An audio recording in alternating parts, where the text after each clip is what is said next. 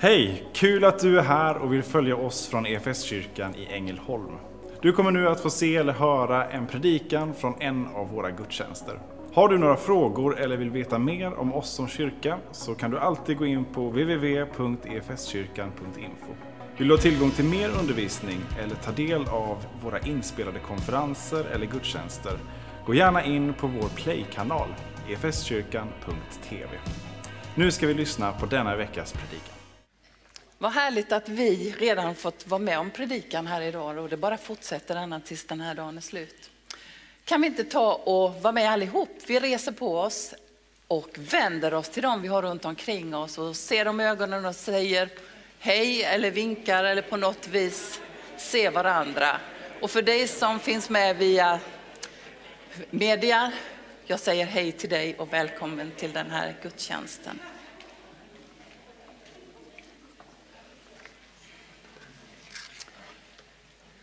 Se människan är sammanfattningen av hela den här gudstjänsten. Och är det inget annat ni kommer ifrån eller kommer komma ihåg så är, är det se, se människan.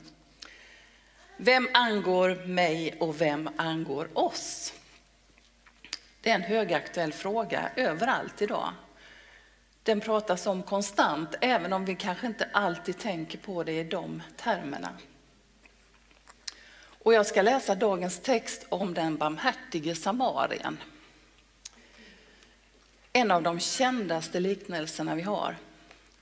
Och många kanske tänker, okej, okay, den har jag hört förut. Men är den så känd så måste den också vara väldigt viktig för oss.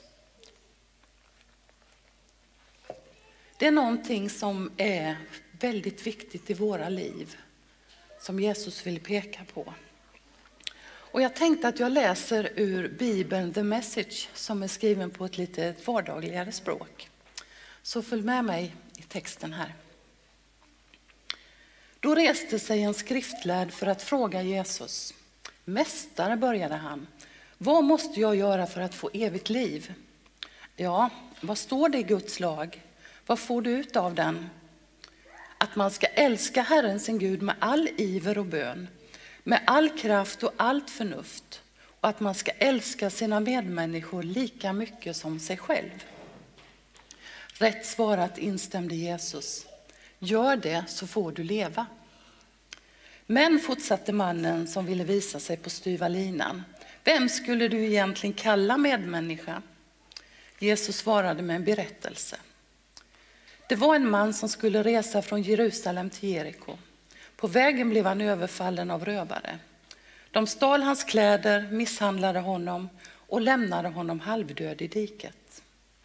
Då kom det en präst på vägen. Men när han fick syn på mannen gjorde han en omväg runt honom. Sedan kom det förbi en man som tjänstgjorde i templet och även han undvek mannen på vägen. Till slut så kom det en kättare från Samarien på vägen. När han fick syn på mannen reagerade han med hjärtat. Han gav honom första hjälpen, tvättade och förband såren, lyfte upp honom på sin åsna och tog honom med till ett värdshus där han skaffade rum åt honom.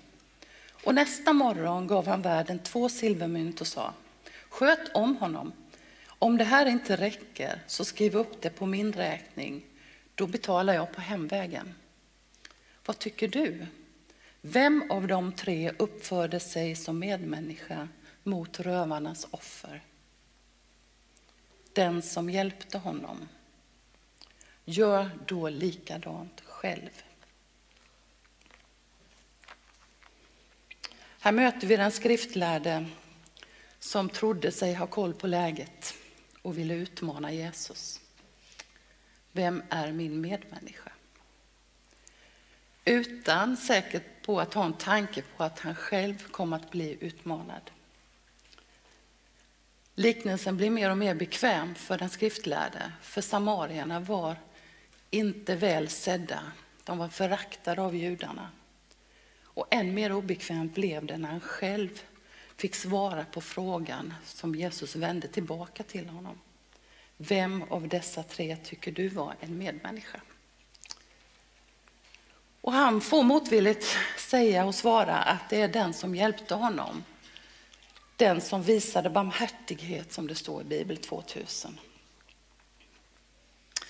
Jesus han var ingen skrivbordsteolog eller teoretiker. Att visa kärlek var att handla när hjälp behövdes oavsett vem det gällde. Och än en gång så ser vi hur Jesus spränger gränser och visar på att alla människor är älskade och att det handlar om att vara en medmänniska oavsett vem det är vi möter. Det handlar inte om de andra utan det handlar om mig. Att vara en medmänniska. Och tittar man på Jesu liv så var det att se människan som var det mest utmärkande draget hos honom. Han stannade upp, han lyssnade, han såg bakom fasader och mötte behoven. Och vi kan läsa i Matteus att det hände något djupt i Jesus när han såg människan. Han fylldes av medlidande med dem, för de var illa medfarna, som får utan herde. Och så är det faktiskt även med oss. Att det händer något djupt inom oss när vi vågar se människorna vi möter. Vågar stanna upp och ta del av en annans berättelse. Önskningar eller behov. Och när vi då också försöker agera om det är möjligt. Det pratas mycket om värdegrund i alla sammanhang idag. Och vi kristna har inte något patent på en värdegrund. Men skulle vi säga att det är någonting som är utmärkande för ett kristet tänk så är det att vi har ett personligt ansvar. Att vi har respekt för varje människas unika värde och omsorg om den svaga och utsatta. Utan denna grund i våra liv så blir alla utsatta människor någon annans problem. Det blir kommunens, det blir regionens, politikernas. Men vad händer då när inte det räcker till? Vems ansvar är det då? Det är en ganska påträngande fråga för oss i vårt samhälle där vi uppmuntras till att bli vår egen lyckas smed. Där mina önskningar, karriär och mål är viktigast. Att göra det jag känner och har lust med. Och skulle det misslyckas så har jag på ett sätt ganska stor... Alltså jag får skylla mig själv. Och tittar vi på texten vi har läst och det budskap som vi har i Bibeln så skaver det riktigt hårt att ha det synsättet. Älska din nästa som dig själv. Det vill säga ha samma omsorg om andra som du har om dig och din familj. Men det är ju faktiskt så att ingen av oss lever opåverkade av det samhälle som vi lever i. Så därför så får dagens liknelse bli en liten sån där alarmklocka. Och vi får tänka till lite.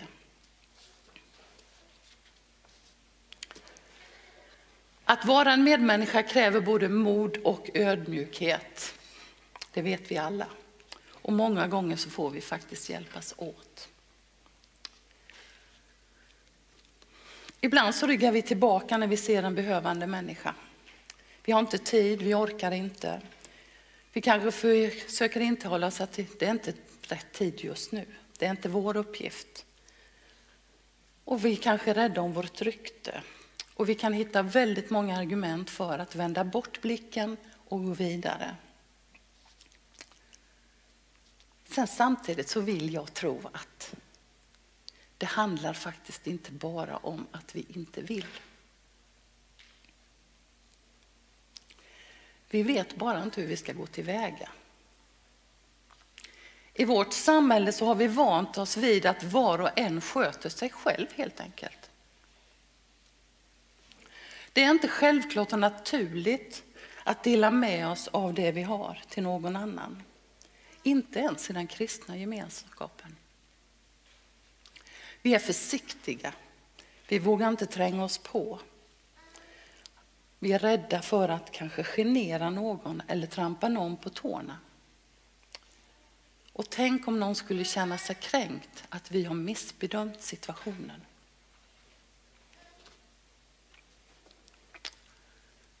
Men många har erfarenheten och vi vet att vågar vi trotsa den bekvämlighet och rädsla så förmedlar vi hopp och vi växer som människor.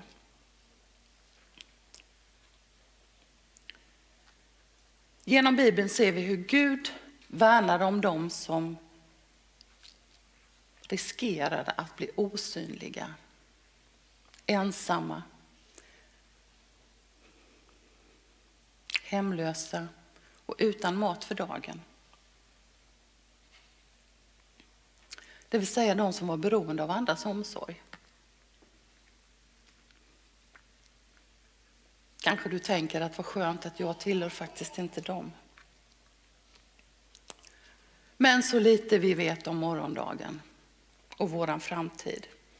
Livet är inte alltid rättvist och saker kan hända snabbt. Och jag blir en som är i behov av andras omsorg. Och jag blir en av dem som Gud särskilt värnar om. Och det är någonting som jag faktiskt vill uppmärksamma oss på idag. Som man kanske inte alltid talar om i detta sammanhanget. Men det är att vara en medmänniska, det handlar också om att kunna ta emot. Den du möter är din medmänniska. Och med handen på hjärtat, hur lätt är det för dig att ta emot hjälp?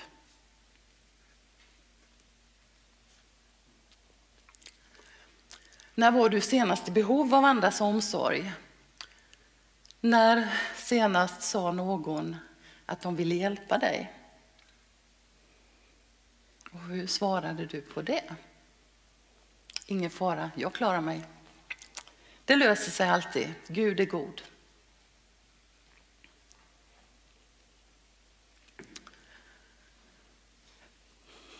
Och vi som har svårt för att be om hjälp eller ta emot annans och annans omsorg i våra liv. Vi, är faktiskt, vi behöver ställa oss frågan varför det är så. Är det av stolthet eller känns det obekvämt? Är vi rädda för att bli en av dessa mina minsta, som Jesus säger? Vågar vi inte ligga någon till last? För det är så vi ser det. Är det så, så behöver vi faktiskt be Gud om förlåtelse och omvända oss. För vem är du eller jag att förvägra någon annan välsignelsen av att ge in i ditt liv? Att visa samma omsorg om dig som du visar andra. Jag tror faktiskt att vi måste lära oss att ta emot.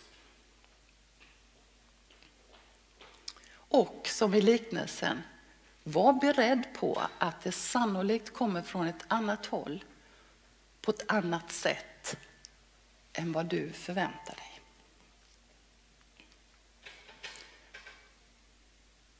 Att ta emot hjälp utan att förtjäna det, det är svårt.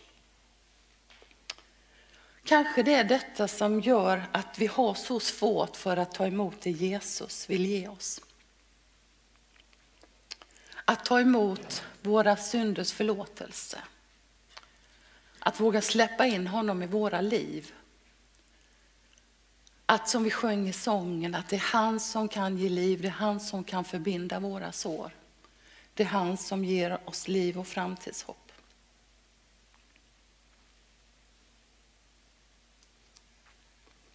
Se människan.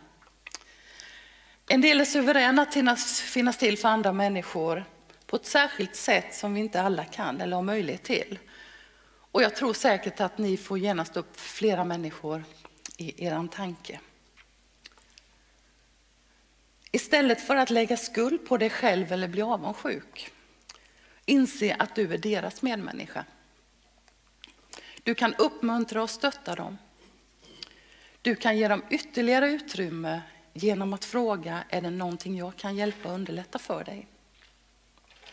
Vi har alla olika gåvor och förmågor. Och tacka Gud för att de kan göra det du inte alltid kan.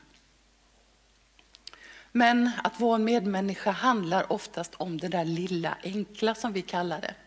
Men som blir det största för den vi möter. Och jag skulle vilja dela tre situationer som har berört mig så djupt.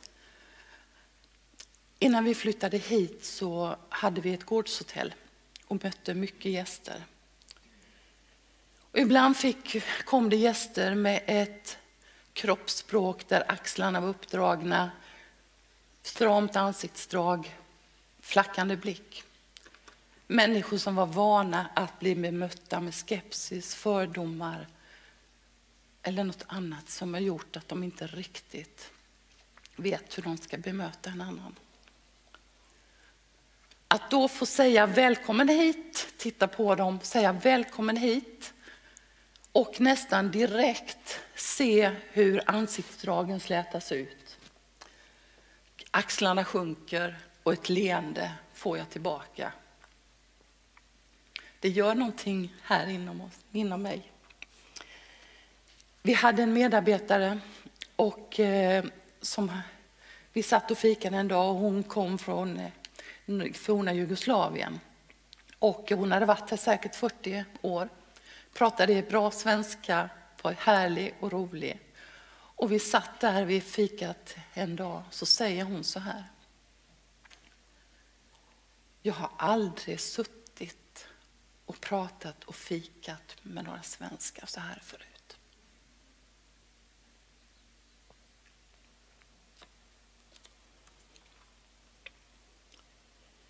En helg kom det ett par som skulle ligga hos oss över hela helgen. Och det, man behöver inte vara psykolog för att se att deras relation var en katastrof. På morgnarna valde jag att säga god morgon till kvinnan. Ställa lite frågor om det var okej okay på rummet och om väder och vind, det här lite allmänna småpratet. Och när de checkade ut